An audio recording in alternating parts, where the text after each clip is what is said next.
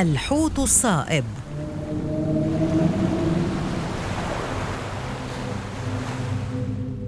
هذا الحوت من أكثر أنواع الحيتان النادرة. رغم انتشاره الواسع فهو يقطن في أغلب محيطات العالم مثل الهادئ والأطلسي. والسبب في ندرته يعود إلى تأخره في التكاثر وإلى أنه مهدد بالانقراض بشكل كبير. عند رؤية هذا الحوت للمرة الأولى يمكن أن تعتقد أنه مقلوب لكن على العكس فهذا يعود لشكل رأسه وفكه الشديد التقوس. وعموما يبلغ طول هذا الحوت تقريبا 15 مترا ويصل وزنه إلى 80 طنا.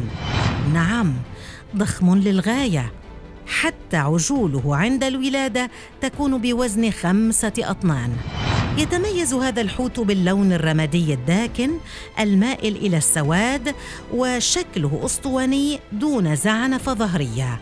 له زعنفتان في الثلث الأول من جسده لهما شكل المجداف والتي يصل طولها إلى ثلاثة أمتار ونصف. ذيله ثلاثي يصل عرضه إلى حوالي سبعة أمتار. هذه الحيتان تسبح ببطء أفواهها مفتوحة حتى لو كانت قريبة من سطح الماء.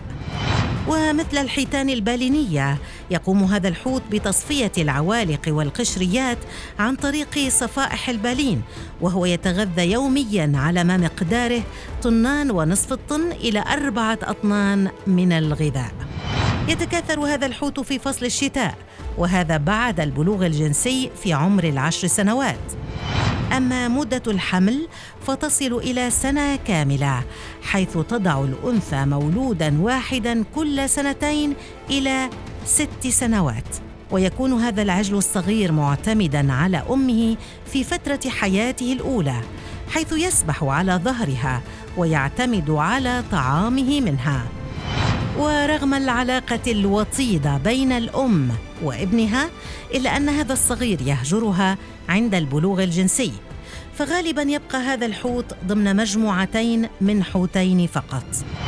هذه الحيتان بالذات من الحيتان النادرة جدا والمهددة بالانقراض بسبب خطر اصطدامها بالسفن وصيدها الجائر الذي استمر لعقود وبالطبع بسبب التغير المناخي الذي يطال جزءا كبيرا من حياتها. واليوم لم يبقى من هذا النوع سوى ثلاثمائة وستة وستين حوتا فقط.